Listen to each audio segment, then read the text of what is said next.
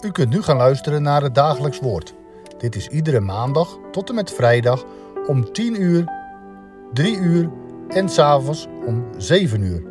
Deze meditatie wordt verzorgd door dominee Heikoop.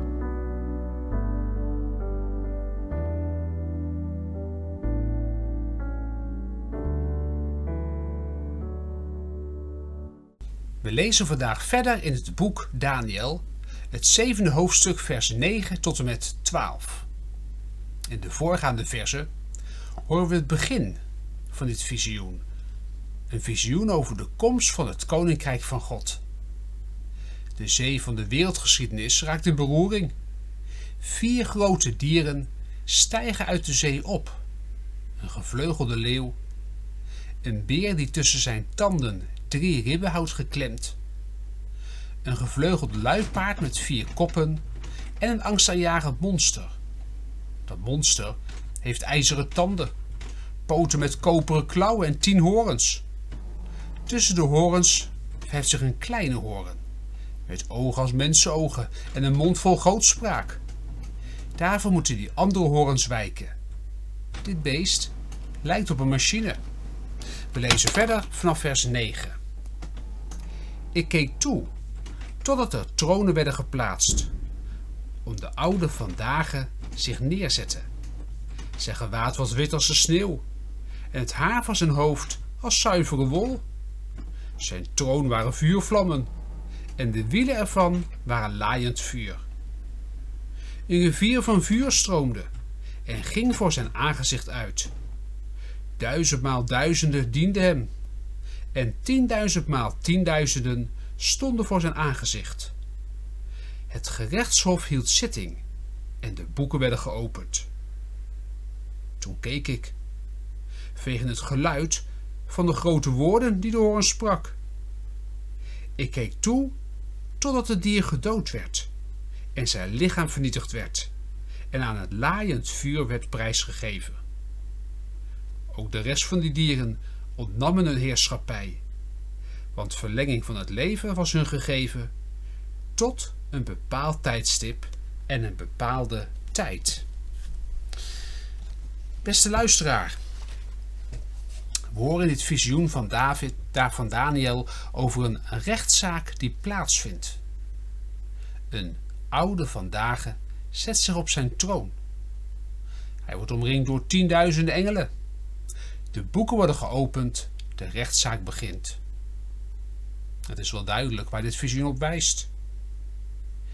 Daniel ziet in zijn visioen iets van het laatste oordeel dat op de jongste dag plaatsvindt. De rechtszaak is gericht op de jongste dag.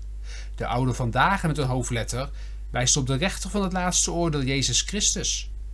En de vier dieren wijzen op vier koningen, op vier aardse machten, die geen rekening houden met God. Tegenstanders van Gods koninkrijk. Zij zullen worden geoordeeld.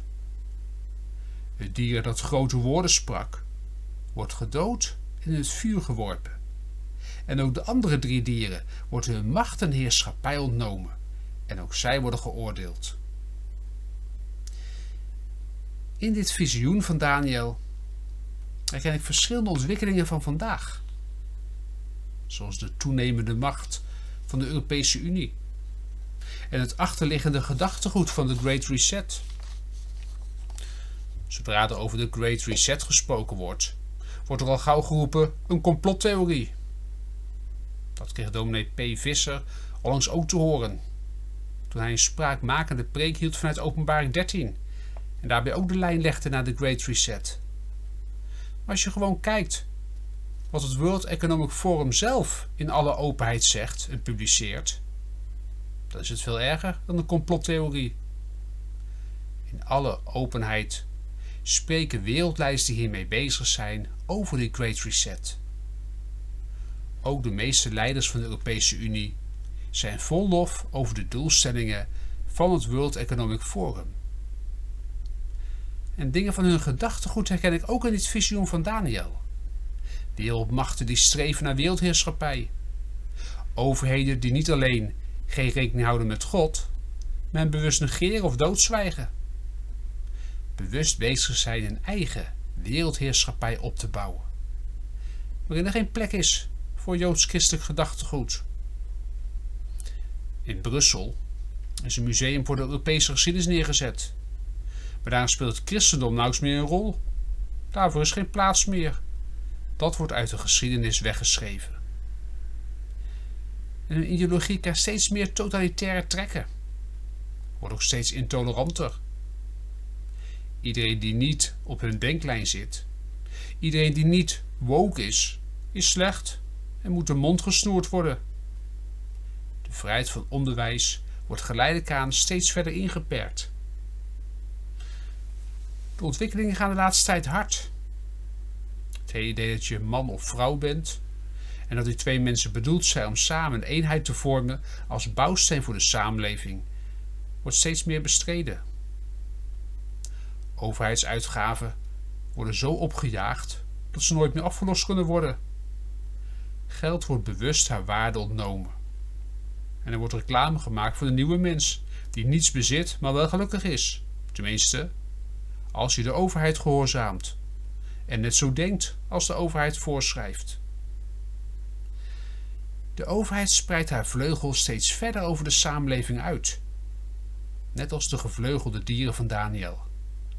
Steeds meer wordt geregistreerd wie wat doet, waar die zich bevindt, waarna hij of zij zoekt op internet. En zelfs medische informatie, tot voor kort privébezit, wordt nu door de overheid toegeëigend. Niet alleen meer in China, nu ook in West-Europa en Nederland. De democratie wordt steeds verder ontmanteld. Niet gekozen bureaucratieën in Brussel en Straatsburg nemen de regering over. Zij kunnen niet worden weggestemd. Zij bepalen zelf al wat ze doen. Hun macht en bevoegdheden breiden zich steeds verder uit. Ze worden zeer machtig. Net als de dieren uit het visioen. En net als deze dieren hebben ze ook weinig op met God. Het zijn antichristelijke machten. Net als die dieren die Johannes later ziet, is een openbaring. Het vierde dier, het meest afschrikwekkende, lijkt op een machine. Het is beestachtig. Machines die in staat zijn om dood en verderf te zaaien. Ook daar zien we trieste voorbeelden van om ons heen. Rond het land Israël worden grote hoeveelheden wapens opgepot om Gods volk weg te vagen. De Hamas in de Gazastrook, Hezbollah in Libanon en Syrië. Er worden terreurtunnels gebouwd, drones ingezet. Allemaal gesponsord door Iran en de Europese Unie. Dit vierde dier is een monster dat alle christelijke waarden wil veranderen en vernietigen. Dat Gods volk wil vernietigen. Ik denk niet dat je van dit visioen elk detail precies kunt overzetten naar nu.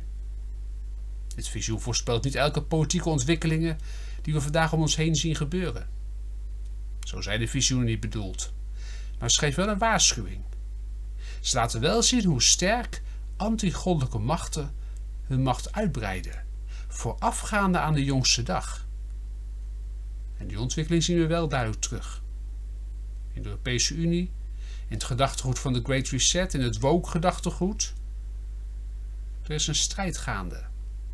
Daarvoor waarschuwt ook dit visioen ons.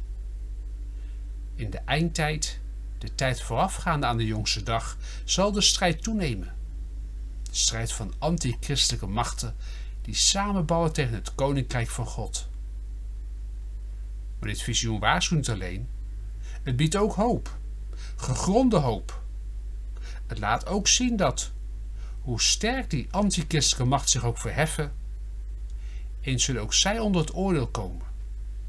Ze kunnen niet eindeloos doorgaan met het ontkennen van en het bestrijden van de christelijke traditie.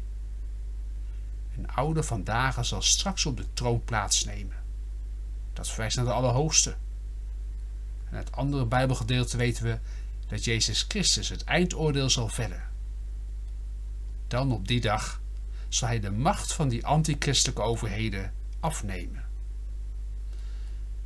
Allerlei ontwikkelingen die gaande zijn baren grote zorgen.